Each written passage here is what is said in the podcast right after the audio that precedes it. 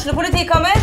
Ine Jansen er purk. Er du purk? The motherfucking bitch. Alt jeg vil, er å finne ut hva som skjedde med mannen min. Jon Carew. Er jeg sikta for noe? Iben Akeli. Det er du. Ole So, Lars Berrum og Big Daddy Karsten. Hvem sin side er du på, egentlig? Anette Hoff, Tone Danielsen, Kommer du fra Afrika?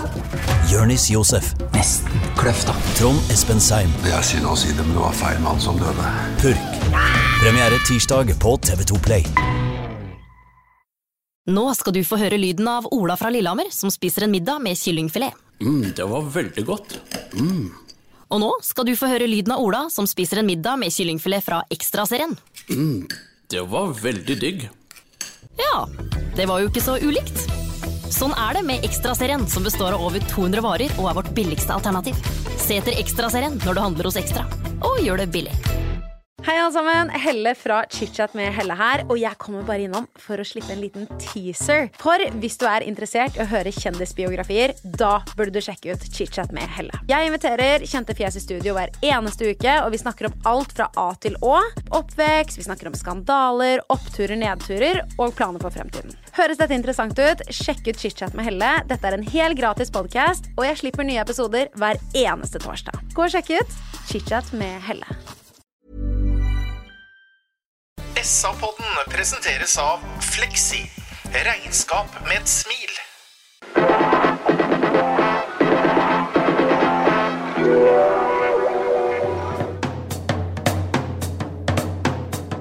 Sarpsborg Arbeiderblad gir deg en ny episode av SA-podden med Sven René Nygård, Øystein Weber, Petter Kalnes og Bjørn Inge Bingen Nilsen.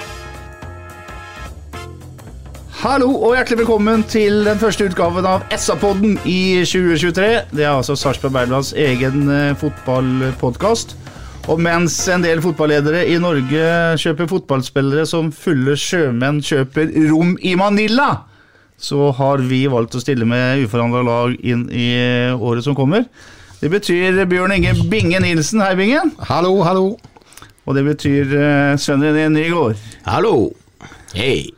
Og så har Øystein Weberg lagt noen flere grå hår til alen av sin uh, kunnskapsrike manke. Hei. Ja, hei, men jeg bare tenker du må ikke begynne å snakke om fulle sjøfolk. Sjøfolk blir sure hver gang de skal det. brukes på det greiene Ja. her, så det må du trekke, trekke deg på. For du har liksom eh, kontakt med Nei, ja, jeg støtta støtter sjøfolka. Ja, ja. var på sjøen før i det. Ja.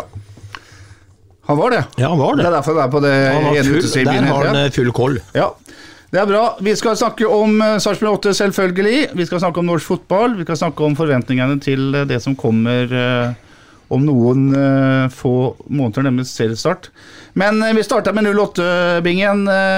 hvordan har du lest eh, vinteren så langt? Vinteren så langt øh, Sett noen treninger, sett to kamper. øh, de er ferdige nå med fire uker. Sitter på fly til øh, Marbella nå. Det er jo en mismatch i forhold til hva som har gått ut, og hva som har kommet inn. Og øh, jeg skal jo liksom ikke felle noen øh, dom enda, men jeg er ganske sikker på at det blir et eh, lag som kommer til å måtte kjempe hardt, sånn som det ser ut nå, og ikke Thomas Berntsen har noe S i armet, så tror jeg det er et lag som definitivt kommer til å kjempe for å unngå nedrykk. Saletos er borte, Engvald er borte, Heinz er borte, Halvorsen er borte, Hagelskjær er borte. Uh, Jeppe Andersen, Peter Reinhardsen, Martin Hoel Andersen. Og så kan vi si at Gustav Mogensen er jo en uh, ny mann. Uh, Bobakar Conté er tatt inn i varmen i troppen igjen. Men du er ikke fornøyd med nettoresultatet her av ut og inn? Nei, du, nå, nå sier du dem navnene litt fort, og hvis at dem som går på stadion skal få litt s- kan få smake litt på hva som går ut da når vi avslutter sesongen så fantastisk som vi gjør i 2022, som vi rister av oss hele nedrykksspøkelset, med en Anton Saletros som er borte, Tobias Heinz som er borte, Gustav Engvald som er borte, Eh, Molins er borte, bidro på våren, ikke noe ellers i året. Jørgen Horn er borte, bidro ikke så mye. Hadde noen, eh, noen, eh, noen misser og ikke, var ikke den bidragsyteren som vi var vant til å se en. Men vi hadde en uh, Hagelskjær de siste ti kampene sammen med de første navnene, som var voldsomt gode. Når man tenker på at dem er borte, Og vi har inn en uh, Reinhardsen f.eks. Vi henter hjem en uh, Martin Hoel Andersen. Vi får, bak, vi får til eh, en eh, spiller som har vært skada i et år, eh, som var hos oss i høst, som heter Gustav Mogensen. En jævla snikskytter. Han kan få full klaff på han, hvis at han vil bli brukt. Men det er en mismatch her, Petter, som forteller meg at det må jobbes i hodet til Thomas Berntsen enda. Vi er definitivt ikke ferdig, det er jeg helt overbevist på. Og jeg tror jeg, eller jeg er ganske overbevist om at det vi ser nå, eh, som skal gå inn i en, eh, en, en eh, treningsleie på Marbella, det er, det er, det er ganske tynt, altså. Enig, i? Ja, ja, herregud, jeg er kjempeenig. Jeg tror jaggu så jeg ble med i poden at jeg ikke har vært mer enig med Bingen noen gang, jeg, enn akkurat på det han sier der. Det er kjempekvalitetsforskjell på det laget vi har per nå, med det som avslutta sesongen. Og det er liksom en typ bare sånn Gustav Engevald, da, som mange egentlig Jeg skal ikke si at folk ikke har greie på fotball, men det er mange som var så veldig opptatt av å miste målsjansene. Men det han bidrar med, sånn lagmessig bl.a., med å strekke årene som vi har prata om mange ganger, med tempoet sitt eh, Jeppe kommer inn for en Saletros. Ja, kanskje han er bedre defensivt. Eh, offensivt det tror jeg kan komme til å bli bedre enn eh, Saletros på noen gang. Løpskapasitet og det lille som Jeppe har vist hittil. Nå må vi gi gutten tid, da. Eh, det er jo på en måte langt unna det Saletro sto for, men det er også to forskjellige fotballspillere. Hagelskjær er borte. Ubeseira de siste kampene var hovedgrunn, osv. Tobias Heinz, målrekord og poengrekord i Sarpsborg 08, borte. Det er klart at det er himmelvid forskjell. Og det som bekymrer meg litt ekstra nå, det er det vi har sett av treningskampen, liksom, men som jeg sier, det er tidlig, men jeg syns vi defensivt også virker altfor dårlig per i dag. Selvfølgelig fordi Hagerskjær er borte. Han var ekstremt viktig. Vi har ikke kunnet brukt en Ødegård for tida, som er skada. Reinhardsen, ja, kanskje potensielt ung spiller som blir god på tid. Trenger også tid, tror jeg. Tror ikke han tar eh, Eliteserien med storm, begynte å spørre meg personlig, fra starten av. Så det er klart vi er kjempesvekka. Det er eh, kan godt si, Det eneste positive med det er at vi har igjen en type Viktor Torp og en Tibling som kom, eh, fikk seg en høstsesong, har fått en preseason og vintersesong. At de bidrar mer etter hvert, kommer enda mer inn i dette systemet her. Og så er jeg veldig enig i det med Mogensen, da. Eh, det er Hvis ikke han slår til, så har vi en oppsett. Men skadehistorikken og alt rundt oppsett, så står vi jo igjen med Hans Gålevik i utgangspunktet. Så vi, han Mogensen han må slå til, altså, eh, i mine øyne. Og så må Oppsett eh, holde seg skadefri. Ellers så tror jeg vi blir tynne der også. Så her er det mye å hente. Ja, Rett skal være rett. Jeg glemte Jeppe Andersen, men så langt kan jeg si det at jeg har lest at det skal være en boks-til-boks-player. Det jeg har sett hittil, har vært i to kamper at han har vært veldig mye i midtsirkelen. Uh, I tillegg så er jo gullgutten vår junior eh, skada med tretthetsbrudd. Og når han er tilbake, vet jeg ikke, men det er jo klart at det er en, eh, en, et savn, det også. Jeg er redd sånn innledningsvis at, vi, at det, det, høres veldig negativt ut nå, men jeg tror vi kommer til å, raskt kommer til å skjønne at vi skal kjempe med ryggen mot veggen fra starta i år. At vi bare kan innfinne oss med det ganske, ganske raskt. Mm. Ja, Nå trodde jeg egentlig at jeg skulle være kritisk her i dag, men jeg overgår jo ikke guttene her, for de er jo, de er jo kritiske. Og det, det, er, det, er, eh, mange grunner til det. Og, og, det vi har sett så langt, det har vært uh, snillest du kan si om det, er veldig variabelt. Mm. Det har overhodet ikke vært imponerende. Men som Sven sier, det er, jo, det er jo fryktelig tidlig. Og så har jeg lyst til å si en ting til. Nå er det riktignok én seier og ett tap, men jeg snakker ofte om at det betyr ingenting. Det er tidlig, det er en lang preseason, alt det greiene der. Jo, det betyr noe. Altså, Bjørklund setter litt ord på det etter kampen mot uh, HamKam. Uh, ikke glem at det ble en vinst. Mm. For uh, det er alltid bedre å vinne fotballkamper enn å ikke gjøre det. Og heldigvis så dro vi sånn sett inn den mot HamKam, men det har vært veldig variabelt så langt. Og så har jeg lyst til å bare ta også et annet eksempel. Foreløpig så bør vi kanskje lande litt på, på, kanskje den positive siden av det. For Hvis vi skal gå inn og se på litt sånn enkeltspillere her, da, og så, så bare ta en, ta en Maigård Hvis vi går tilbake til Vålerenga-kampen eh, Petter, så, så svinger Torp inn et innlegg som Maigård header over fra seks meter, og i mitt hode så er det eh, nesten enklere å score på den enn et eh, straffespark. Og Da kan en velge da, eh, to vinkler på det. Det ene er at det er en utrolig svak heading å ikke sette den. Men en kan også velge å si at Maigård er en luring. Han kommer igjen inn i det rommet mellom, mellom bekk og midtstopper. Det har vi sett før. Og jeg tror at, uh, for å mm, trekke det litt opp igjen, jeg tror at, uh, at han kommer til å fortsette som han har gjort egentlig hele tida i Sarp. Kommer til å produsere mye på, eller være en poengspiller for oss. Så hvis jeg skal gjette på en spiller som jeg tror tar store steg i år, og som kommer til å bli en sterk bidragsyter for gode resultater i 08 hvis du matter alt handler om om man holder seg skadefri, så tror jeg det jeg har sett av Viktor Torp hittil, han tror jeg kommer til å ta store steg. Han eh, skårer mål, han kommer til gode muligheter, er utrolig flink til å finne rom, og han kommer på avslutninger. Han òg, herregud, han, den headinga han hadde, det er jo også større enn et straffespark, men han er der! Han ser at den kommer til å komme der. Og han syns jeg har vært en del delaktig i en del ting som jeg tror gjør at han kommer til å få meget god sesong i møte. Det skal erstattes 15 mål, Bingen. Vi kan starte i den enden av banen. Uh, Engvald uh, lukta det jo overhodet ikke mål av. Han uh, skapte sjanser, uh, bommet på sjanser. Uh, Mogensen er jo en uh, målskårer. er ikke det å bytte seg opp, da? Jo, jeg, jeg, jeg, håper jo det. At det var en grunn for at Bradford henta han som tenåring. og at han uh, eh, skåra jo mye mål på et B-lag uh, der borte, og spilte vel, uh, etter meg kan huske over rekorden, rundt 50-60 kamper for B-laget før han brøt benet. Er lenge borte, kanskje i sin beste alder av utvikling, men han virker veldig rapp og positiv på trening nå. Kanskje han kan være den som skal løse det, som kommer nå fra fra intet, ikke kommer fra intet, det er feil å si, for at de henter den jo skada, og de bygger den opp i høst og i vinter.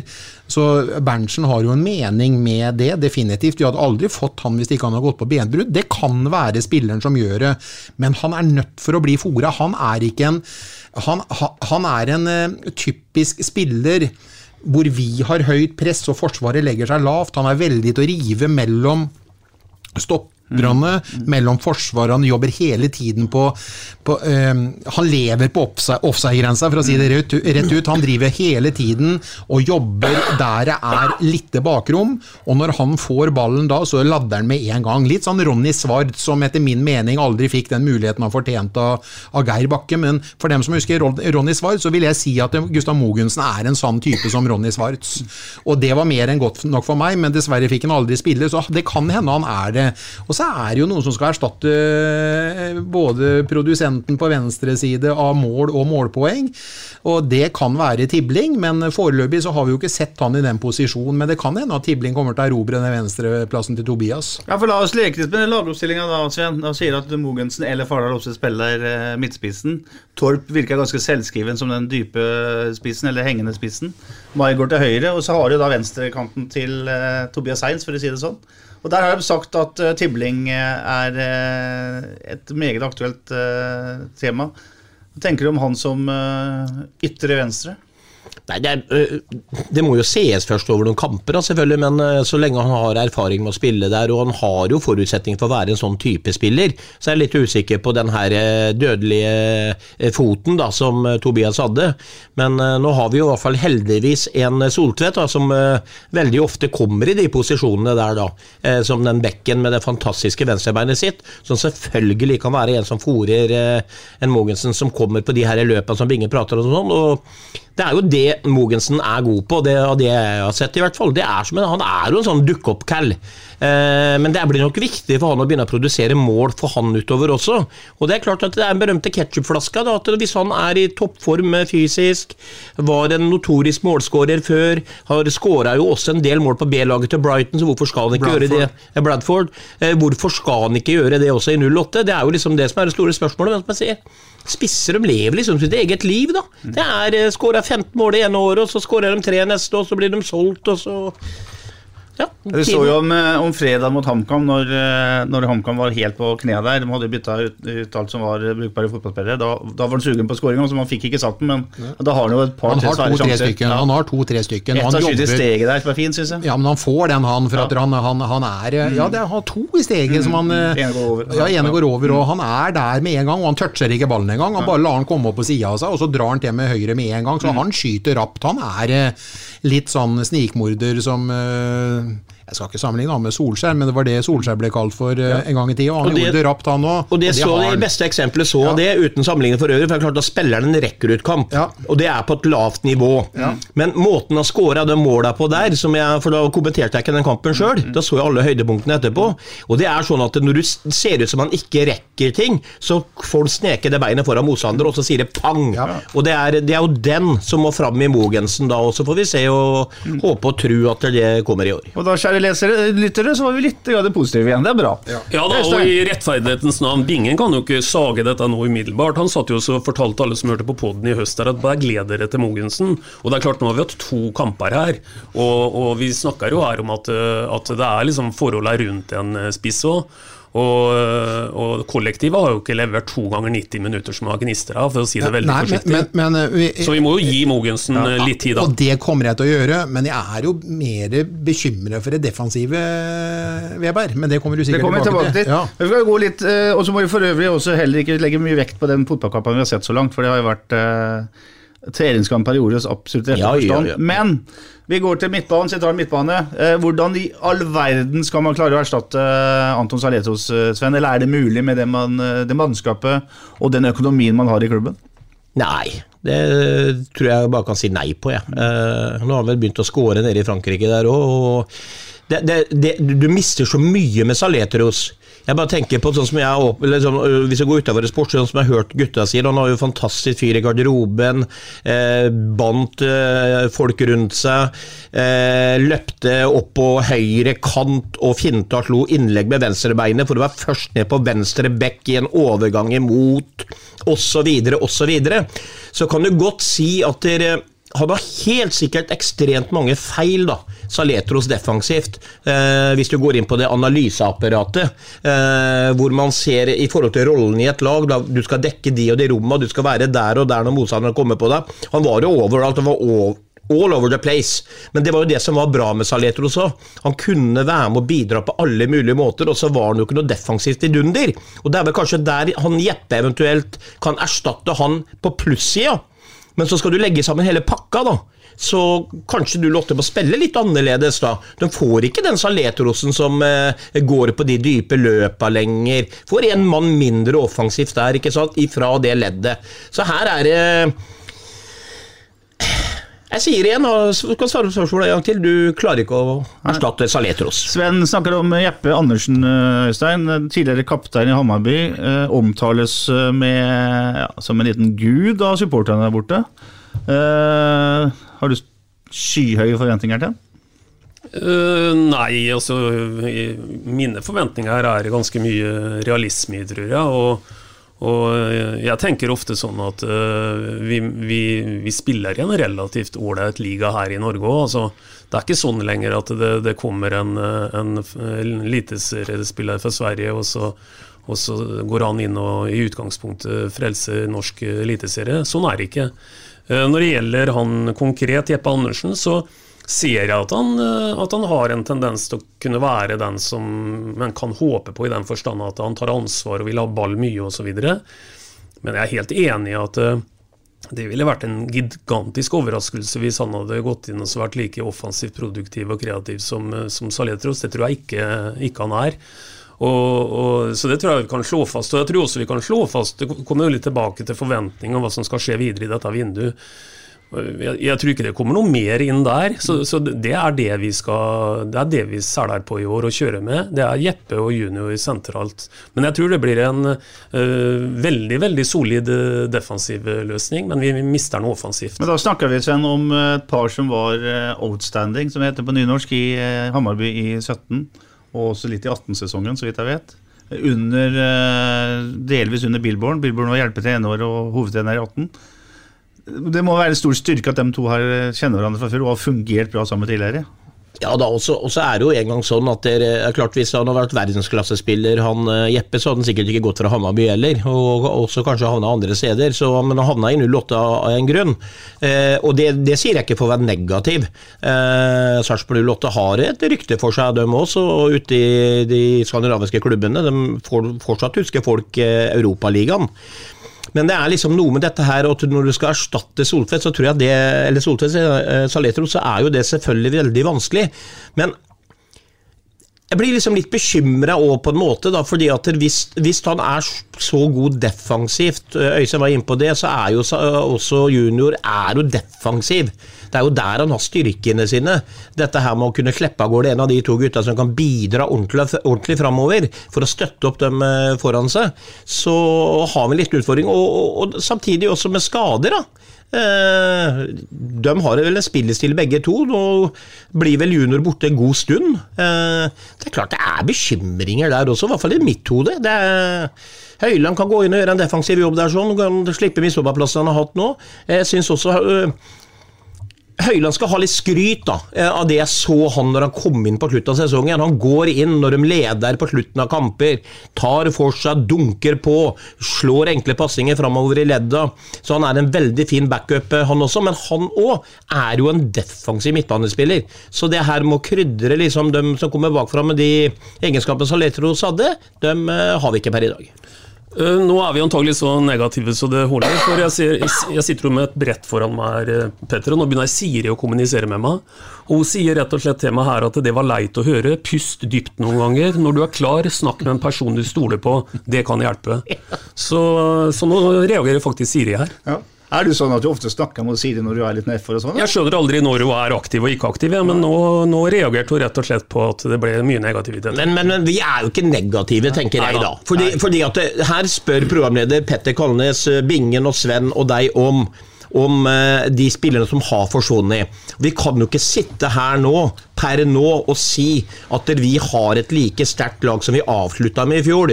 Og så er det noen som går, og så får vi nye inn. Og per nå, uten Også Dette her kan jo forandre seg.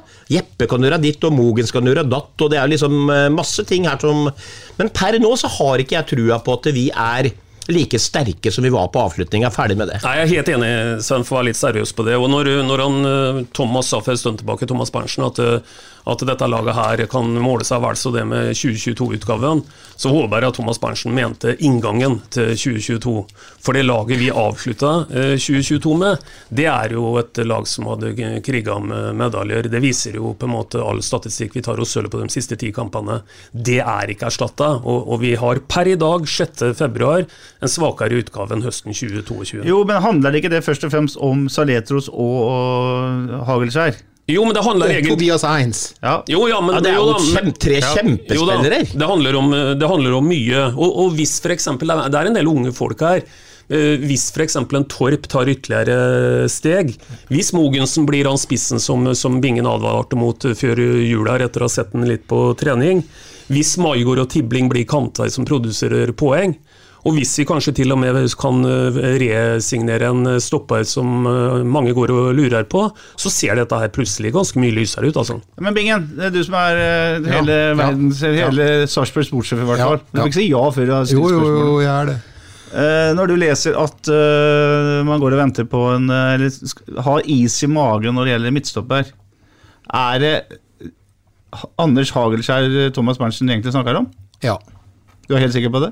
Eller du har følelsen av det? Nei, men ellers hadde jeg latt være, hadde jeg vært Thomas Berntsen, så hadde jeg latt være å snakke om det. For at det er den hele byen går og venter på og håper på. Så jeg er eh, veldig, veldig sikker på at det er han man snakker om. Men eh, hvis vi sier at Hagelskjær plutselig står til i Aalborg og får spille Nå er han en av fire som har spilt treningskamp her. De eh, starter jo serien igjen 17.2. Ja, da får du svar på det. Enten så er han med, og så spiller han, eller så er han i 08. Det er mitt øh, kan godt, til hende han eh, kommer ned på eh, Nei, det kommer han ikke, for laget skal hjem. Eh, jo, kanskje han kommer ned på treningsleiren. Ja, de reiser, reiser hjem den helga som serien begynner i Danmark igjen. Ja. Men da, er det, da er det under en måned til seriestart. Ja, han trenger hva, Det er jo ikke nytt for han, nei, altså men, omgivelser. Spiller ikke Berntsen høyt da? Hvis, hvis ikke det blir Hagelskjær? Jo, jeg, tror, jeg, jeg, jeg, er kjempespent. Altså, enten så bærer det overgangsvinduet her nå prega at dem, den økonomiske situasjonen til Sarpsborg 08 i 2023 den er eh, knallhard. Den er så tøff så vi ikke har anledning til å gjøre noe annet enn det vi har gjort til nå. Og så, liksom, og så driver vi og bygger et topp fem-lag i Obos-ligaen, og så et uh, lag som skal kjempe for å unngå nedrykk i, i, uh, i uh, Eliteserien. Og da er vi tilbake liksom, liksom, da, er vi, der er vi tilbake på det nivået som jeg var sportssjef, med 16-20 millioner i, i, og henta spillere fra Tromsdalen og alle andre steder, og titta i hvert fall i Norge når vi gjorde det. Men det var jo nedrykk og opprykk og nedrykk og opprykk. Sånn var jo den tiden der sånn. Så jeg mener nå at det er økonomien som etter alle solemerker må være knallhard for Thomas Berntsen i, i 2023. Vi kommer sikkert til å ha et budsjett som ser bra ut for 22, for da bokførte vi noen salg, men nå har vi ingen ingen spillere å selge, sånn som det ser ut per i dag.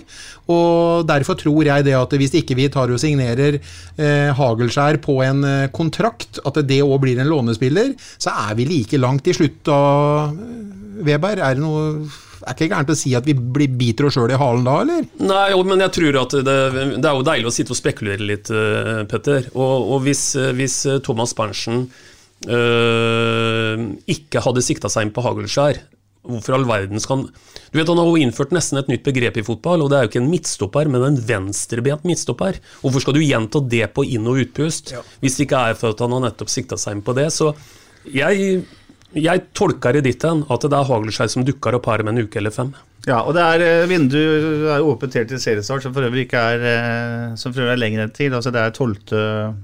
12. april man starter. Ja, men hør her, Petter. Hør her, Petter. Med en Utvik som får skuldra ut av ledd to til tre ganger i sesongen. Du har, han, han, er knalltøff i spillestilen sin, så han kommer helt sikkert til å må stå over enten pga. kort eller eller uvøren mot sin egen kropp i løpet av sesongen. En Magnar som har måttet sy opp brystmuskelen, jeg vet ikke hvor, når han er tilbake. Det er to av stopperne som ambulerte sammen med Jørgen Horn og, og Hagelskjær, eh, som er skadeutsatte. Det, det, skriker jo av at vi trenger noen på stoppeplass. Så har du Joakim Thomassen som har vært borte nå kanskje i fire måneder og skal være med, sitte på fly ned i sammen med laget nå og skal begynne å, å trene og jobbe, jobbe, med, jobbe for å dekke dekke opp, ha dobbeltdekning sammen med Soltvedt på venstre. Og så har du Vikne på høyre som er borte. Du har fått inn Reinhardsen. Reinhardsen er ikke noe, noe halleluja foreløpig det. Det er en helt uh, ordinær spiller som har kommet uh, til, til 08, 08, det. Det er ikke noe sånn det er ikke noe sånn liksom sånn jeg kan ja, det er sikkert en bra opponent for, for, for uh, Vikne, da, men det er liksom ikke noen som har dratt strikken fryktelig mye lenger enn det Ole Jørgen klarte å bidra med på, på den uh, bekken når han måtte ned og spille bekk. da. Mm. Så foreløpig så er det, er det, røde lamper som blinker på det defensive. Mm. Men Øystein, uh, vi skal snakke mer om penger etter hvert, men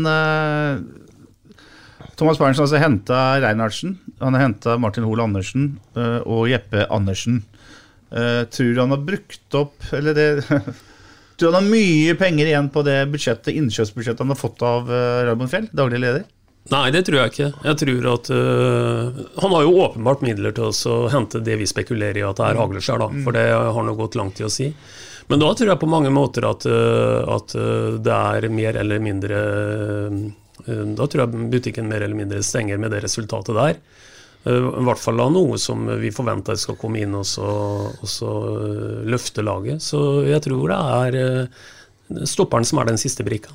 Men så Apropos stopper her, og treningskamper betyr ingenting, resultatet betyr ingenting. Men akkurat nå så er altså Utvik, Anton Skipper og de to ungguttene Velinder og Haug de fire stopperne man har tilgjengelig. Skipper er tilbake fra skade, spilte en omgang som venstreback mot HamKam. Uh, har langt unna å spille i Eliteserien. Jeg tenker på det å gå inn i en forsesong uten å liksom ha folk nok til å fylle opp plassene. Uh, hva tenker du om følelsen der, hvis du setter deg i Billborns ståsted? da? Ja, det er jo kjipt som fy, og det er det, er, det defensive er ikke det er, det er, så mye spørsmålstegn. Bingen var innpå det. Vi hadde jo spørsmålstegn i fjor også. Da begynte vi jo egentlig med tempoet til Soltvedt, men han gjorde ting til skamme. Han blei jo en produktiv, eh, viktig fotballspiller for oss. Eh, høyresida, den er ustabil. Eh, Reinhardsen, upcoming man kanskje, men ikke sikkert til 2023. Midtstoppere, der sliter vi jo kjempemye nå. Det er skadehistorikk for Utvik, det er Magnar som har dratt brystkassa litt opp nå og fått problemer der. Og Hagelskjær han eh, må komme, og han kommer, tror også jeg. Fordi Det var første som slo meg når det kom i avisa, det sa jeg også til Veberg. Men én gang det kom ut, venstrebent midtstopper, altså jeg begynte å tenke etter hvor mange venstrebente midtstoppere vet jeg om. Husker han Forren? Ja, Forren er på Færøyene, ja, så han er ikke ja. Nei, og det vet jeg jo. Men, men, det er liksom, og han kommer nok, og der ligger nok de siste midlene nå, kanskje, muligens. Og det vil jo hjelpe ekstremt mye. Fordi det er noe med at man kan godt si at angrep er det beste forsvaret. Mange trenere som sier det, og det er for så vidt litt sant. Men det å ha den usikkerhetsmomentet bak med at du ikke har fylt opp fire kvalitetsplasser på den der bakre fireren, den er kjip, altså. Så der, der kommer det til å skje noe, garantert. Det er forresten helt vanlig da å snakke om høyre- og venstrevendt midtstopper. Altså, fotballen har blitt ganske Ja, men hvor mange, hvor mange, Nei, ja. hvor mange kan du komme på hvis du tenker på gode venstrebente midtstoppere i Eliteserien, f.eks.? Og poenget nei, mitt med nei, det jeg sa det er, det er, liksom, er. Du har rett i det, Petter, men poenget mitt er at hvis ikke nettopp var en venstrebentstopper da Berntsen har ja. sikta, så, man, hadde ikke sagt det, så hadde han ikke sagt det. Nei, hadde da hadde han holdt dobbel mulighet oppe. Se også Ten Hag snakker om Martinez, hvor viktig det er med venstrebentstopper. Ja, ja, ja, Det er det som er poenget. Det er det, det uh, Forover, liksom fra midtbane ja, liksom det, det, er om å gjøre her, og så holde ja, presentivt dem 15 beste i gang, altså Det portugisiske hjelpeapparatet med fire stykken, Petter, er det mm. det det er? Mm. De må jobbe på spreng for å holde den til 15 beste i gang gjennom en hel sesong, både i cup og serie. Altså. Vi tåler ikke, selv om vi får inn Hagelskjær, at der, eh, eh skipper kommer jeg til å tenke på en sketsj på torsdagskveldene med Kristoffer Schou i gamle dager. Så hadde så Holland man, skipper man Han er helt avhengig av. Ja, ja, men han er helt avhengig av å være på banen. Soltvedt er avhengig, Joakim Thomassen er avhengig, Magnar, Utvik Vikne, Vikne, for all del Vikne, som ja, ja. Kaller, har et internasjonalt snitt i tempoet sitt, som, som uh, sikkert har eh, utvikla seg som spiller den sesongen her. Sånn. Han, er, han, er, veldig viktig for oss. Jeg ser jo på han som, uh, som, uh, som førstemann på bekken når han er, er skadefri. Han fikk en hjernerystelse, han tørna på trening. Jeg så han tørna òg. Han har hatt tre hjernerystelser siste året. Ja, dem, han, han, går han, han, har så høyt tempo, og så titter han i bakken, og så kommer han litt i villrede hvor han skal slå ballen, og så sier det pang i, pang i huet på han. Han kommer så fort inn i, i mannen, så når ikke han får dratt den av, så, så, stopper det litt opp. Og da blir han liggende. Men det er klart at dem, dem, dem, som jeg nevnte nå bak nå, så kan du snakke om Velinder, ja. Fra Moss, hva er tanken med Velinder? Hva er tanken med Elias Haug? Det er jo framtida vår. Men det å gå inn og spille med f.eks. Eh, stopperer på 17 og 19 år uh, i Eliteserien. Det, er, det høres uh, tøft ut, og det kan være framtida, mm. men uh, uansett så skal de helst matches i bånd og i hånd med en, en Magnar eller, eller, eller en Magnar, f.eks. Eller, ja, Magnar eller Utvik eller en Hagelskjær. Mm. Og så har Høyland nå bevisst at han har spilt bra stopper i to kamper, om det ligger en tanke bak det, om at det er der de skal ha han nå, eller så føler de at de kjører han helt utover sidelinja, at ikke han er god nok til å spille på midtbanen. Men jeg syns han har vært en positiv eh, Eller hatt et positivt opptreden for meg i to kamper som stopper, eh, og hatt flere forskjellige stoppemakker òg. Han har klart seg veldig bra. Fin gutt, sier ikke mye, bra fussig fysikk, erobrer ballen, slår ballen enkelt og prøver aldri å drible seg bort som, eh, som bakerste mann. Det jeg tror mange stiller spørsmål om, for øvrig så er vi fem faktisk i poden i dag, for nå kommer hun Siri igjen her med et spørsmål, Peter, Petter. Hun sier hvis du føler du er i fare, bør du søke hjelp eller ringe nødnummeret. Nå skal jeg si noe som eh, jeg vet at kona mi hører aldri på det greiene, men det må være deilig. Siri kan du bare slå av hvis du vil, er det ikke sånn? Jo da, men hun kommer jo med relevante innspill. Ja, men han sitter og preker med henne på kveldstid òg, skjønner du. Hun kommer jo med helt relevante innspill her. Men det jeg tror mange tenker, Peter, Petter, spesielt når vi så den første kampen med Vålerenga, og du får en Lajoni osv. som begynner å komme fra kant mot Soltvedt, og det, de, de ypper seg mye på venstrekanten i den kampen osv. Stikkordet er tempo. Er vi temposterke nok? For hvis vi ikke er temposterke nok på kantene, og det vet vi jo på mange måter at vi ikke er Det er jo riktig som eh, Sven sa, at Soltvedt gjorde mange ting til skamme i fjor, men det hadde jo ikke noe med tempo å gjøre. Nei, vi kan... slutta jo å snakke om tempo ja, til Soltvedt. Det, det, det, er jo det det er. Ja. Og, og, og, i moderne fotball så blir jo den den, den bestanddelen er viktigere og viktigere. Mm. Så jeg tror at det er vel det eh, mange, mange, kjenner på når vi ser på hvilke alternativer vi har eh, bakover. Og all den tid den Vikne da ikke er, er med. For, for, det er faktisk en av de store styrkene til Eirik Vikne. Vi har, vi har gått langt til å ta ut laget for Billborn allerede nå. Det er jo ja. spenstig det når det er såpass lenge til seriestart. Ja. Men jeg har lyst til å snakke litt mer generelt da, om det faktum at uh, Billborn, altså hovedtrener, og Bjørklund, assistent, er her for andre sesongen sin. De har fått et innarbeida system. Uh, I fjor så begynte de på scratch. For da gikk de fra å fra stare til litt lekfullt med Bohinen, og så skulle på en måte Billborn eh, spille moderne offensiv fotball på Sarpsborg stadion. Nå har han vært her et år. Alle vet hvordan han vil spille. Ta, så, si litt om forskjellen på første og andre året til den type trener. Nei, Men, altså, men for, for, de gutta som var her i fjor, så er jo dette her bare en stor fordel. og Derfor jeg sa det tidlig på den her òg, at eh, Tibling og eh, Torp f.eks. De har fått en høst, og de har fått en preseason og vintersesong nå hvor de på en måte har drilla enda mer. Og Det samme gjelder jo resten av laget. Men det er klart at de nye gutta som Reinhardsen og de her, de må jo inn i nye tanker her.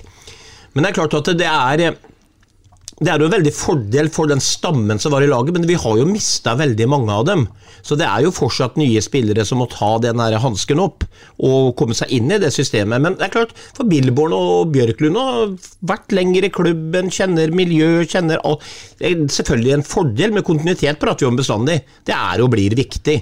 Så den biten har jeg veldig tro på, men du skal jo ha spillerne som fyller rollene, da. Og så bare kjapt inn på det defensive, som han eh, Øystein eh, sier, med, med tempo til Soltvedt osv. Ja da, tempo er fortsatt det tempoet det var, men jeg syns jo både laget og Soltvedt fant godt ut av akkurat dette her, med at det, der har vi trøbbel med bakrom, så her må vi på en måte også falle på en litt annen måte og justere laget deretter. Som det gjorde det i skandaleperioden. Jeg kaller det for skandale. Når de satt ballen i pungene på motspillere inne i 16-meteren, og det rant inn i hytt og pine. Som vi også justerte der. Så der har vi fått justert mye. Men jeg holder meg til deg, Sven. For du har jo liksom, du har jo liksom trenerkurset litt av hvert. Trena flere lag her. Eh, sånn Nå skal du få høre lyden av Anna som får servert en omelett med ost og skinke. Mm, det var godt. Og nå skal du få høre lyden av Anna som får servert en omelett laget med egg, ost og skinke fra Ekstraserien. Mm, det var digg. Ja, det var jo ikke så ulikt. Sånn er det med Ekstraserien, som består av over 200 varer og er vårt billigste alternativ. Se etter Ekstraserien når du handler hos Ekstra, og gjør det billig. Hei, alle sammen. Helle fra ChitChat med Helle her. Og jeg kommer bare innom for å slippe en liten teaser. For hvis du er interessert i å høre kjendisbiografier, da burde du sjekke ut ChitChat med Helle. Jeg inviterer kjente fjes i studio hver eneste uke, og vi snakker om alt fra A til Å. Oppvekst, vi snakker om skandaler, oppturer, nedturer og planer for fremtiden. Høres dette interessant ut? Sjekk ut ChitChat med Helle. Dette er en hel gratis podkast, og jeg slipper nye episoder hver eneste torsdag. Gå og sjekk ut ChitChat med Helle ut nå. Så, så, når jeg leser det, så er det tre mann som kjemper om to uh, plasser sentralt på midtbanen. Det er altså øh, Martin Høiland mot to uh, En svenske, vår venn Jeppe Andersen, og da junioren når han er tilbake. Det betyr to som er Uansett hvem de, de tre som spiller her, så er de mye mer defensivt anlagt enn det Saletos var. Det betyr at du har to som holder igjen.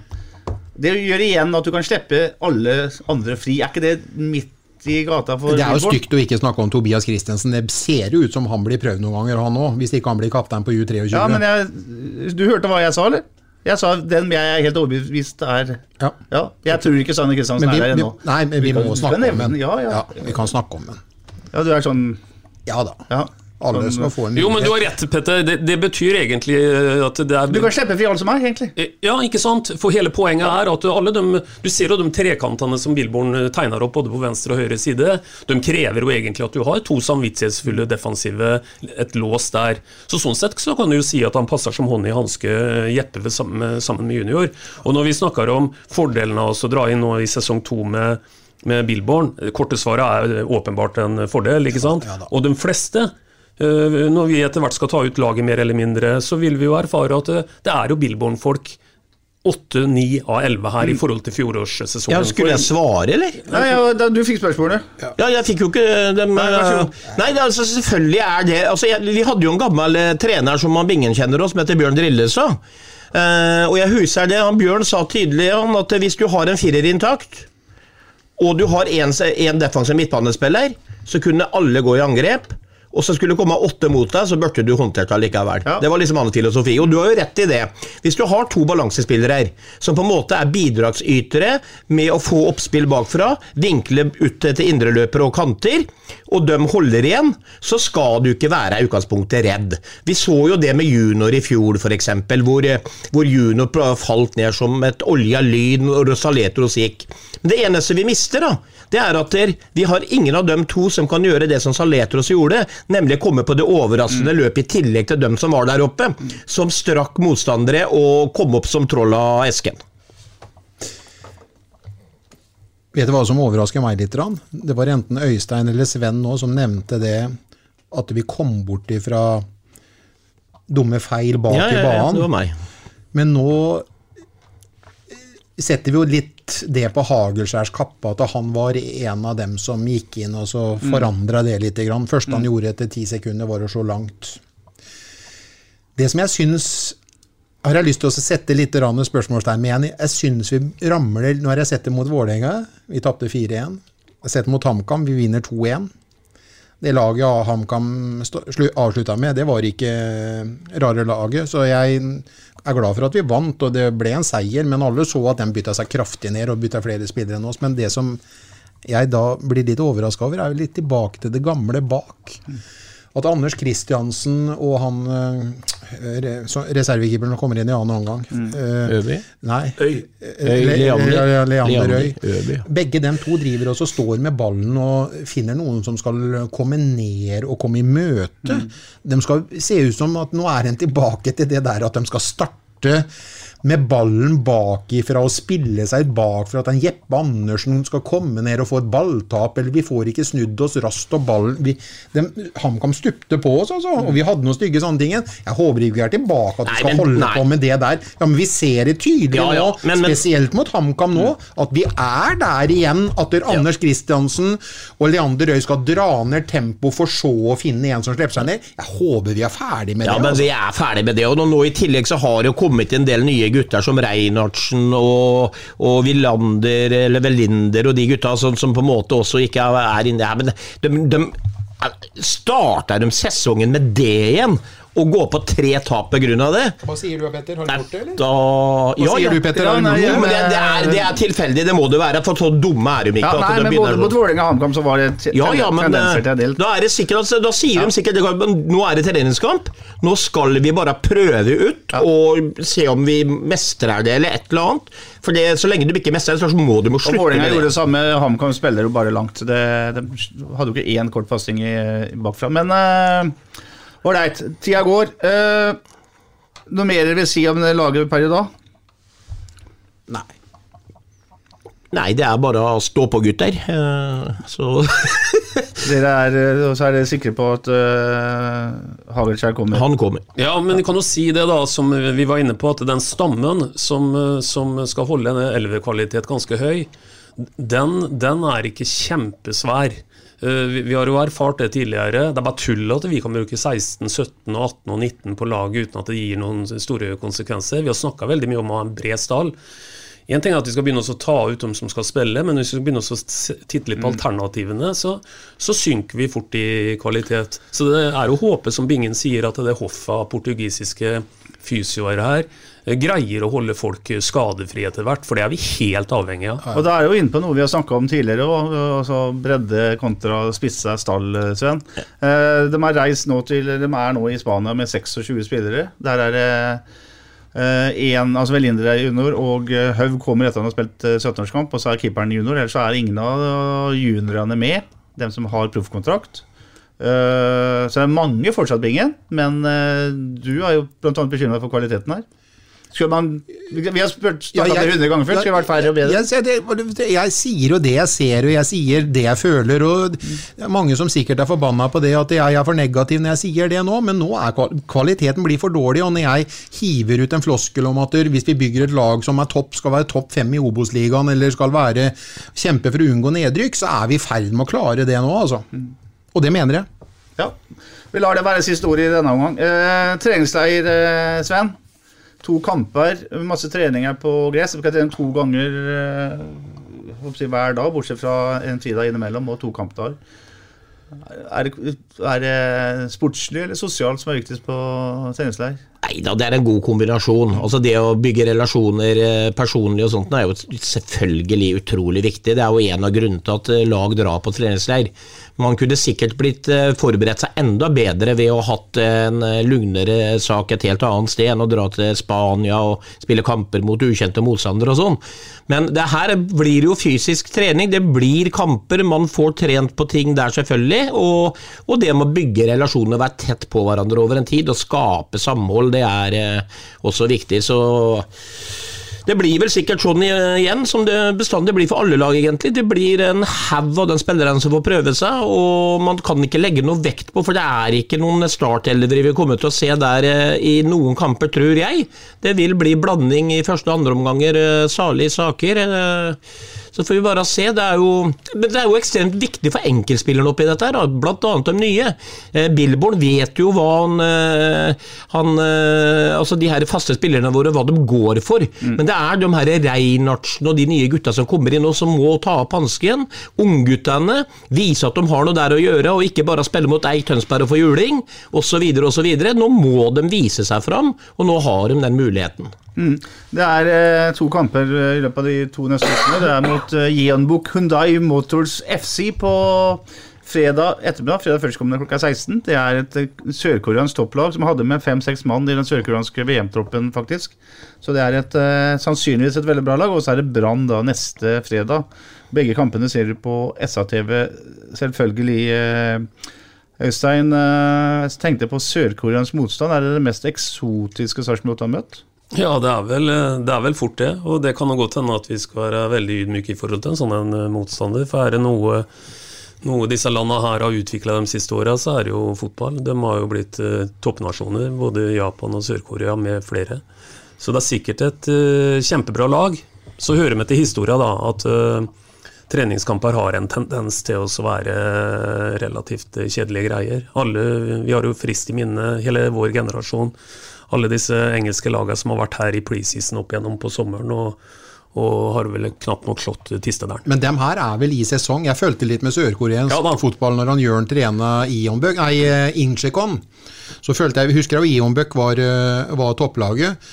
Og jeg mener det at det her er at dem har ferie nå, Petter? Eller? Så De tror- har eh, noe sånn uh, halvveis, ja. De er halvveis, ja. Så Ja. dem, dem skal inn i en avslutning, så dem kommer nok ikke til å så Nei da, men Vi har jo lang historikk nå om å slå russisk stormotstand Ja i, ja der. ja. Så det, det sier jo litt om at uh, det, det er noe annet. Det er et eh, lag med en stadion med ca. 50 000 mennesker. Ja da, ja har eh, to brasilianere og én eh, japaner på laget, så de, de satser. eh, har vunnet Jeg tror har altså vunnet Asias eh, Champions League en gang. Og så er det noe som sier meg det at når vi tenker på treningskamper mot et lag fra Sør-Korea, og vi har drevet og snakka om tempoproblemer og sånn, så kan vi vel kanskje få utfordra oss litt på det, for noe sier meg at det kommer til å gå fort. Det til å gå- spennende. spennende. Det er altså fredag klokka fire. For øvrig så ser vi den. Den ser vi. Uh, Live-bingen. Og det kommer også mye annet stoff fra SA i løpet av 14 år eh, fra Spania nå, så vi kan glede dere til det. Annet skal vi direktesende en trening etter hvert, og det blir også en podkast med trenerteamet til Sarpsborg 8 er meninga fra Marbella. Eh, vi skal skifte litt tema, det vil si vi skal holde oss til norsk fotball. Men eh, vi skal snakke litt om hva som har skjedd ellers i eh, vinter. Øystein, det er en pengebruk nå som vi vel ikke har sett maken til når det gjelder det å på en måte kjøpe til og med norske spillere hjem. Nei, og der Type Isha til Molde, f.eks. Ja, ja, men Molde er jo ikke med i regnestykket her, for de har jo alltid drevet med, med noe kunstig pengebruk. De har jo en, har jo en eh, fisker som fra gamle dager tar opp alle regninger, så det er, jo, det er jo greit. Men det de driver med i Bodø-Glimt, det er jo helt utrolig. Altså Fra å være rødlista på NFF sin økonomibarometer i ja, bare for ti år siden, og kanskje enda ferskere, til nå også handle for eh, over 100 millioner kroner, og, og mye av det er også å kjøpe hjem egne spillere for summer vi aldri har sett før, det er jo nå skal ikke jeg bruke den, henge ut den yrkesgruppa du starta med i stad. Nei, jeg tenkte på det nå. Okay, ja. det. Men, men, det har vi aldri rett og slett aldri sett maken til. Du kan si at Vi har jo, vi har jo sett at Rosenborg f.eks. i sin tid sprengte alt og kjøpte en John Carew for over 20 millioner fra Vålerenga for 25 år siden. Mm. Men det var, den tida hadde tross alt øh, øh, De var på en måte i en helt unik posisjon. Og det viste seg også å være økonomisk sett kanskje en av de lureste handlene de har gjort. Etter å ha solgt den for 70 etter et halvt år omtrent videre. Men det Bodø-Glimt gjør nå, det, det, har vi aldri sett i norsk fotball. Men, men det er et uttrykk som det å være havagæren, er det det vi ser? Nei, men Det er vanskelig å ta dem Det er egentlig litt vanskelig å ta dem på noe. Tar dem får vi jo først gjøre hvis hvis ting på en måte mislykkes det de har gjort de siste åra, kan jo egentlig ikke ta dem på når det gjelder verken å drive butikk eller drive prestasjoner ute på, ut på banen. Det er egentlig helt fantastisk, det. Men det er et høyt spill. For ja, ja. en fotballspiller kan knekke benet i morgen, og får håpe de har gode forsikringsordninger. Jeg så en, et oppsett over stallene med Søvnamingen, ja. og stakkar de har dobbeltdekning. Altså her er det nesten landslagsspillere på to på hver plass. Ja, og regnestykkene nå er jo helt avhengig av suksess. Det er jo ingenting som Eh, selv om du har et bra lag på papiret, så skal det fungere òg. Nå har en visst at man har fått til det nå i, i, noen sesonger, men det er jo helt det er jo ikke tvil om altså når du kjøper hjem eh, spillere som har hatt mislykka utenlandsopphold for det samme, og i tillegg til, sier ryktene, at det har vært sign-on-fier mellom 5 og 10 millioner kroner på den spilleren de har tatt hjem, så er det jo selvfølgelig en mismatch her sånn, som er helt avhengig av å få igjen i, i, i suksess. Så de, de, de, de, spiller et høyt spill. De har egentlig lagt lista for å spille e-cup hvert eneste år, Bodø-Glimt, med den pengebruken de eh, legger opp til. Så der, de har lagt lista der. Skal, skal Bodø-Glimt kunne kalle seg noe annet enn Eh, en fiasko, så tipper jeg at eh, de dårligst sikta seg inn på sølv i serien og kom inn i en av de to øverste ligaene året etter. Og Da tenker du ikke bare sportslig, da tenker du også på at pengene fortsetter å rulle inn? Ja, for, for, at de skal kunne drive butikken. Mm. For det er jo som du sier, de kjøper jo klassespillere som spiller nummer to, de nå. De henter jo talenter fra Danmark for tosifra antall millioner som de ikke engang har tenkt å bruke det skal være en backup til en venstreback eller en backup til en høyreback. Mm. Så, så, så de, de har, men de har kvalitet, da. Det, det, har de naturligvis, men den har jaggu kosta. Ja, de har det. Eh, og de må, vinne, de må vinne ligaen hjemme nå. Ja, de har lagt lista voldsomt høyt. Mm. Spennende å se. Jeg må jo ta av meg hatten for uh, for uh, det gamle Be Bekken i Rosenborg og Kjetil Rekdal har gjort. Sportssjef Bekken, jeg husker ikke hva han heter igjen nå, han hvithåra svensken. Dorsin. Dorsin og mm.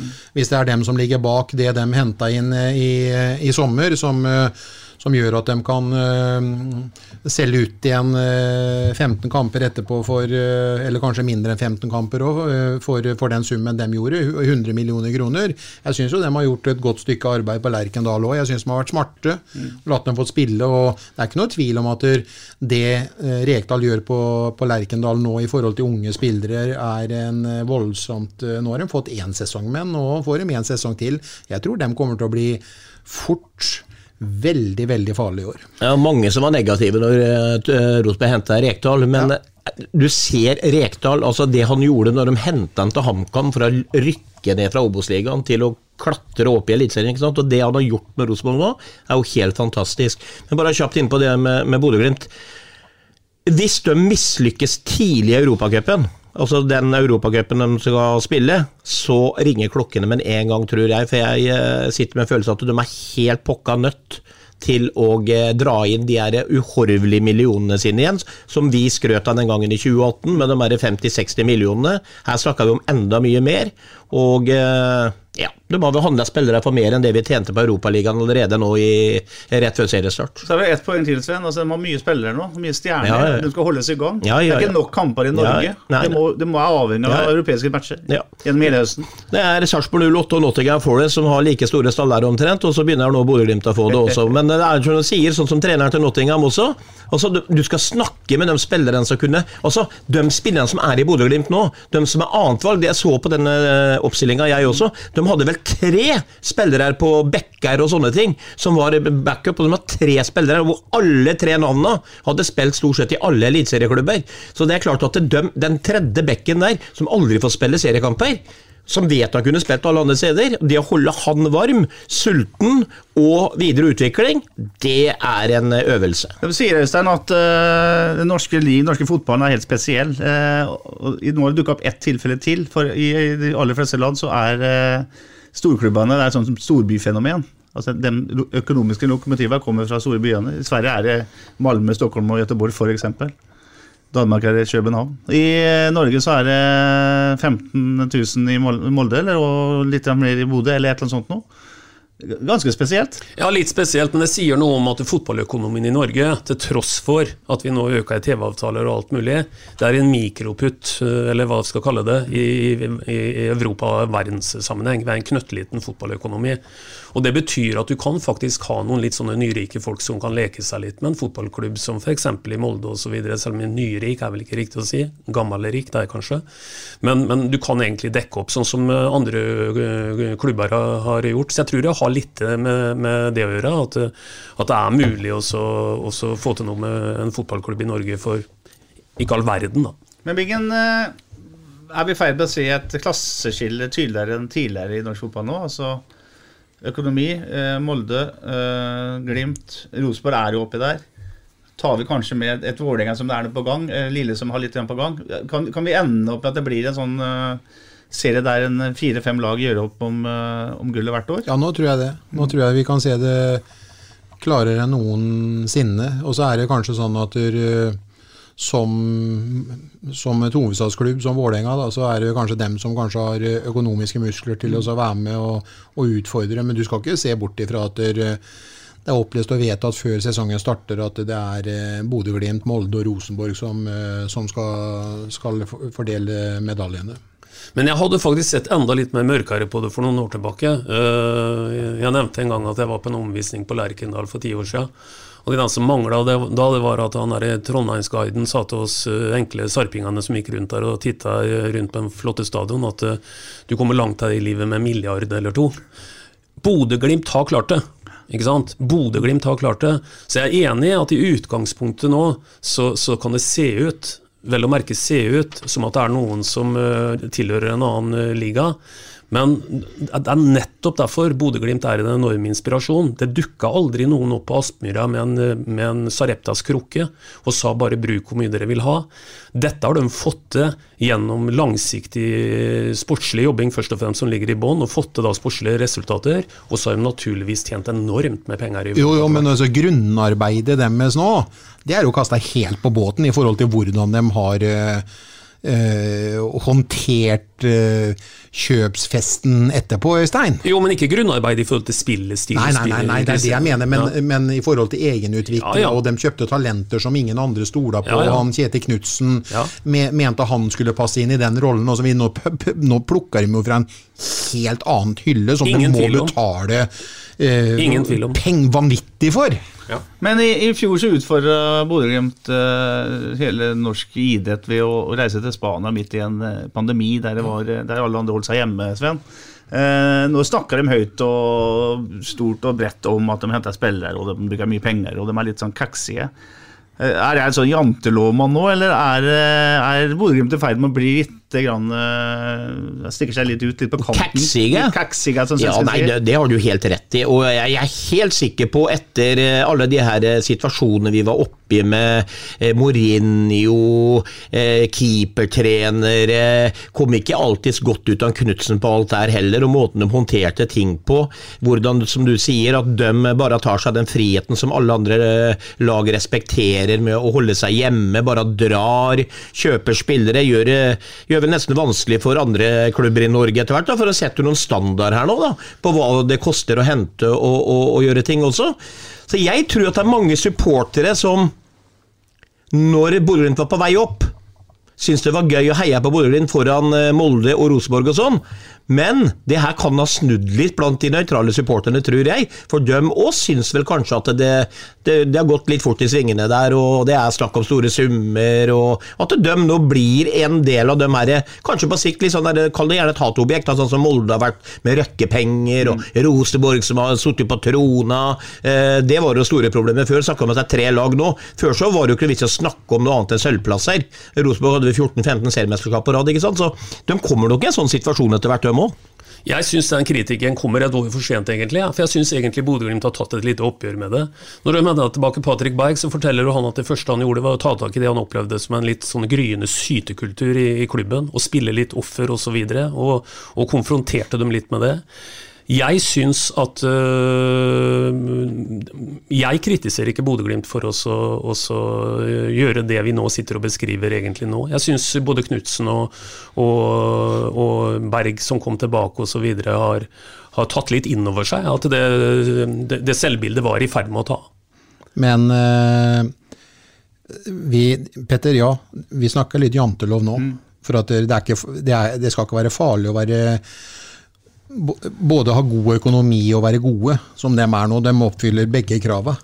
Men de, de, de, er på en helt annen hylle enn en, hva skal jeg si, i hvert fall tolv av, de andre lagene i Eliteserien her. Altså konkurranseutfordringen for dem som nå blir akterutseilt i forhold til i hvert fall Bodø-Glimt, og kanskje topp tre, som jeg omtalte som Rosenborg og Molde og, og Bodø-Glimt, den er enormt stor nå.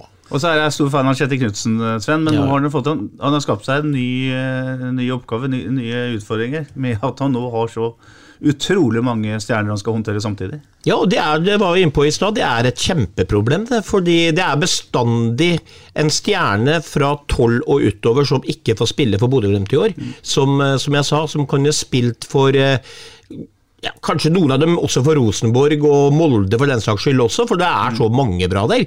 Eh, så de, jeg har nesten så jeg lurer på om de tar det tilbake i år igjen, da, med den bredden de har nå. Men da er Knutsen helt avhengig, ja. Men det blir jo på, på eller sagt da, at det, noen av styrkene til Bodø-Glimt, Knutsen og mental trener den gangen, det er jo det at de, de sier og gjør de rette tinga. Mm. Så det, det, det, er de helt avhengig av. Mm. Ellers så er det ikke sikkert det tredjevalget som kommer inn, presterer så godt. Det er enklere her, vet at alle stjernene har hver sin mikrofon. Ja. Og så er det enklere noen ganger å faktisk forholde seg til at fotball kan være fotball. Så det vi kan si, det er bring it on eh, første serierunde annen påskedag, for da går vi jo rett i eh, krig igjen mot nettopp eh, Bodø-Glimt.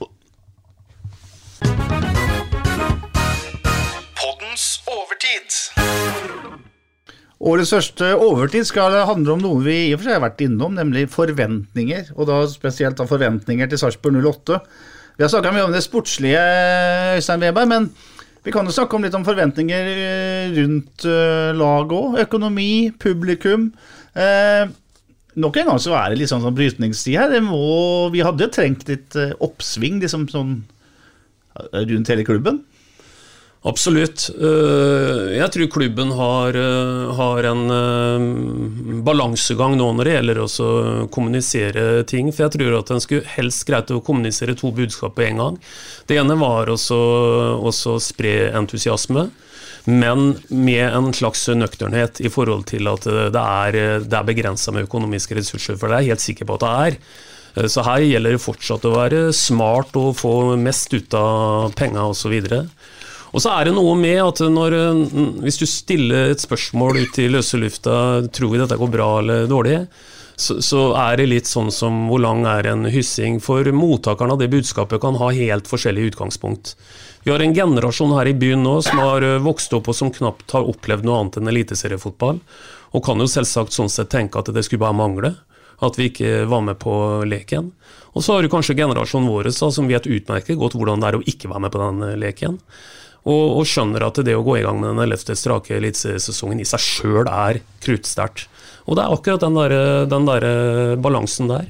Jeg tror at hadde den hatt masse frie midler, så hadde den eh, sikkert også nå ønska å også krydre dette ytterligere.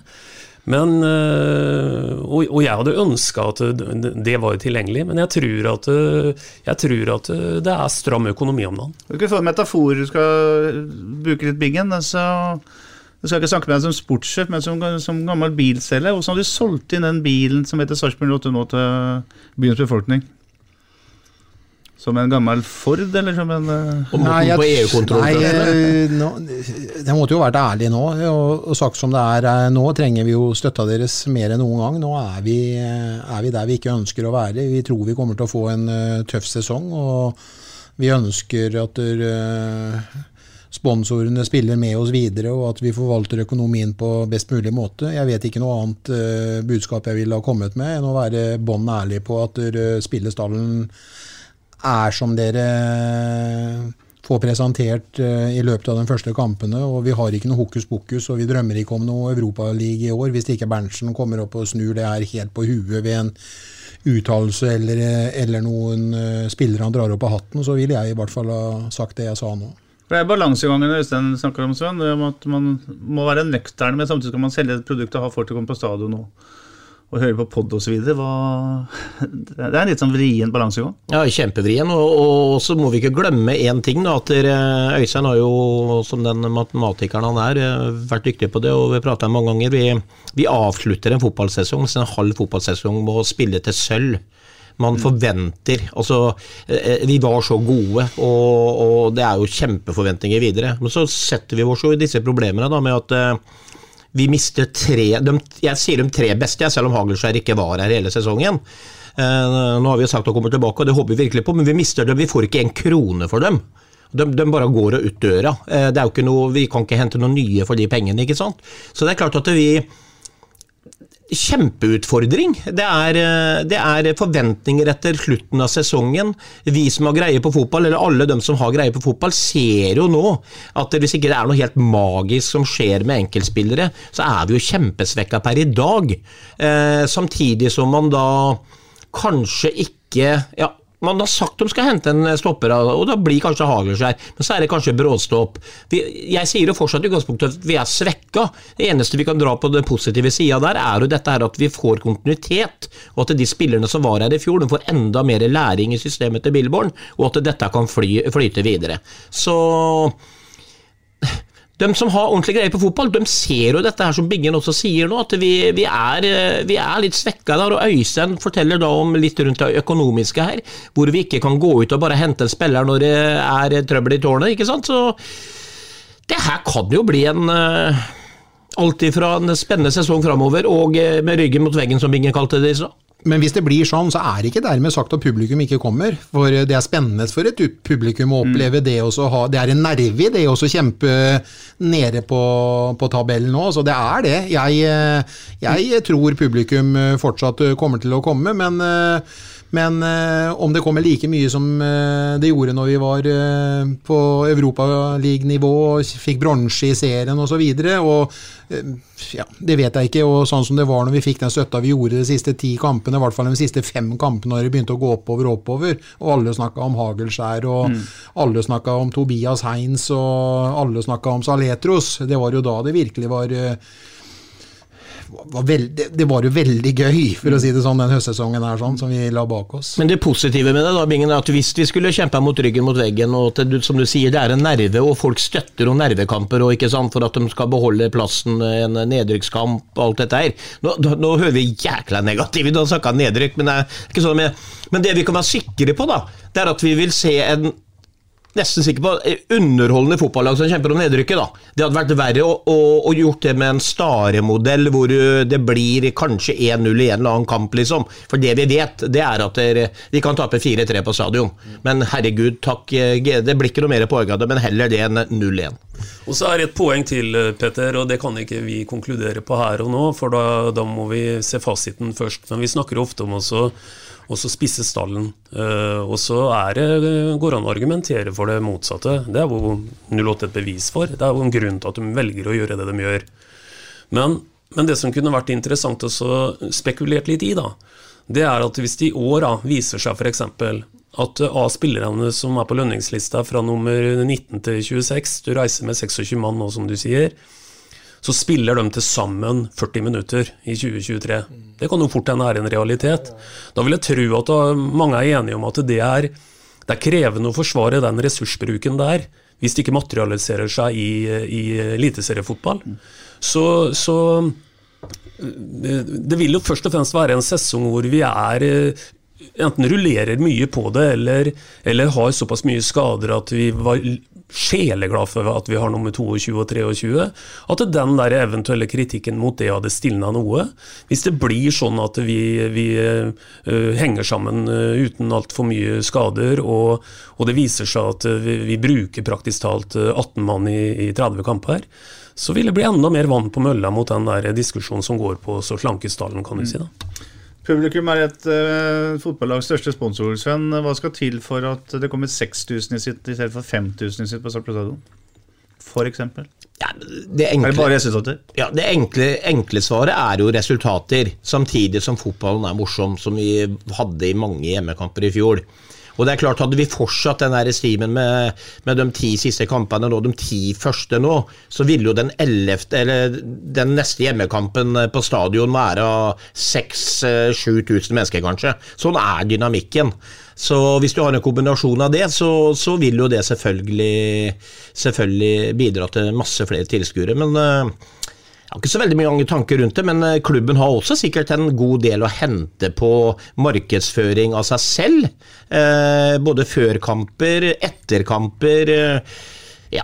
Gjøre litt rette ting. Jeg skal ikke dra opp det igjen, men folk glemmer ikke Ole Jørgen-ting osv. osv. Så, videre. så man må bli mer profesjonelle, dem også. Sånn er det i de beste klubbene. Når jeg var kommentator, jeg reiste rundt på Røkkeløkka, eh, Lerkendal, ble tatt imot av folk kom med dresser var, Alt var liksom så gjennomført. Og det vet jeg også Sarpsborg 08 er ganske gode på, så det skal du ikke på en måte ta dem på. Men, men, det er en stor pakke rundt en fotballklubb som de sikkert har mye å hente. Vi skal ikke snakke om enkeltsaker, for det er på en måte litt om snø som falt i fjor. Eller iallfall for en uh, liten stund tilbake. Men ordet omdømme Det var ingen sarpinger som brukte ordet omdømme før Cato Haug lærte oss det for eller kanskje han var enda før Cato Haugo, for en del år tilbake, Øystein. Men eh, kort, hvordan er omdømmet til Sarpsborg 08 i Sarpsborg by akkurat nå, tror du?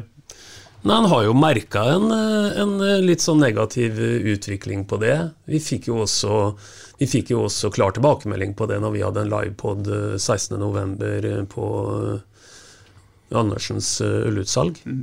Så, så, Og det skal han passe seg for. Og så skal han huske på én ting, selv om jeg har sagt dette før, han kan bli sikkert litt lei av å høre det.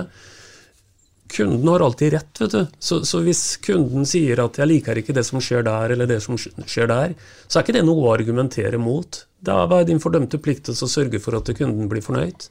For det er forbrukerne her som vi er helt avhengige av, og dette er jo blodomløpet i i alt her, til syvende og sist. Det der med engasjement i byen, mye mennesker på kamp, og helst fornøyde mennesker. Så en skal lytte til det, altså. En skal virkelig lytte til det hvis en får noen kritiske innspill. Og de har jo vært der fra tid til annen, mm. Bra. Vi lar det være siste ord i årets første utgave av eh, SA-podden. Bingen skal hjem og pakke kofferten. Du reiser til uh Reiser i morgen. Marbella. Ja, reiser til Torreblanca i morgen. Mm. Hvem solfaktor bruker du, Binge? Vær ærlig nå, for du er brun året rundt. Nå skal det bare regne. Nei, jeg bruker ikke noe Nei, du er kokosolje. Ja. er seerne på SATV heldige, så kommer de til å se Vingens blide åsyn fra regntunge Marbella. Sven, du skal ikke til Spania? Nei, og jeg òg bruker heller ikke solfaktor, bare så vi er inne på det. Men uh, jeg blir hjemme, men uh, vi gleder oss til å se og, og høre deg, blant annet. Da. Mm. Du kan glede deg med at uh, omtrent alle heter Park på det sørkoreanske laget, så det kommer til å gå veldig bra. Ja, det var sånn som uh, Det var VM-kamp, det var Egypt, tror jeg, hvor uh, den gikk jo på TV, og der, tror, der, der var det vel Hussein. Så alle hette Hussein, så Hussein spilte ballen opp til Hussein, så la inn han Hussein, og så skjøt han Hussein etterpå. Det var helt fantastisk. Ja, det er enkelt å komme til. Jeg har bare egentlig et innspill til Bingen, for jeg skal om uh, ikke så veldig lang tid så skal jeg på jobbmesse til Tyskland. Jeg skal til Düsseldorf. Ja. Uh, er det noen jeg skal hilse nedover til? Kan de huske den svære, høye vannselgeren og keeperen? Nei, ikke i Düsseldorf. Ikke i Düsseldorf, nei. nei. nei. ja, men en del andre serier i Tyskland, da, Binge. Vi sier takk til uh, der blonde Ikke der blonde, men uh, der bingen, kanskje. Svein René og Øystein ønsker alle en uh, fortsatt fin uke. Og så heier vi fortsatt på Sarpsborg 8. Ja, ja, ja, ja altså, vi, er, vi er innerst inne litt mer positive sikkert enn det vi har vært. da, men er, vi, har, vi begynner hardt nå, vi har gjort det. Men vi begynner realistisk. Mm. Bra. Takk for i dag. Takk for i dag. Prekes. Prekes. SA-podden presenteres av Fleksi. Regnskap med et smil. Nå skal du få høre lyden av Ola fra Lillehammer som spiser en middag med kyllingfilet. Mm, det var veldig godt. Mm. Og nå skal du få høre lyden av Ola som spiser en middag med kyllingfilet fra Ekstraserien. Mm, det var veldig digg. Ja, det var jo ikke så ulikt. Sånn er det med Ekstraserien, som består av over 200 varer og er vårt billigste alternativ. Se etter Ekstraserien når du handler hos Ekstra, og gjør det billig. Hei alle sammen, Helle fra ChitChat med Helle her, og jeg kommer bare innom for å slippe en liten teaser. For hvis du er interessert i å høre kjendisbiografier, da burde du sjekke ut ChitChat med Helle. Jeg inviterer kjente fjes i studio hver eneste uke, og vi snakker om alt fra A til Å. Oppvekst, vi snakker om skandaler, oppturer, nedturer og planer for fremtiden. Høres dette interessant ut? Sjekk ut ChitChat med Helle. Dette er en helt gratis podkast, og jeg slipper nye episoder hver eneste torsdag. Gå og sjekk ut ChitChat med Helle. Ukens annonsør er HelloFresh. HelloFresh er verdens ledende matkasseleverandør og kan være redningen i en travel hverdag. Mange av oss har nok vandret i butikken både sultne og uten en plan for middagen, som ender med at vi går for de samme kjedelige rettene gang på gang. Middag burde være dagens høydepunkt. Som HelloFresh kan du nå velge mellom 25 ulike retter hver eneste uke, eller få HelloFresh til å sette sammen menyen for deg. Dette gir deg muligheten til å prøve nye og spennende retter alene eller sammen med familien. Du velger antall porsjoner og får alt levert på døren på et tidspunkt som passer for deg. Oppskriftene er enkle, og maten er lett å lage både for store og for små.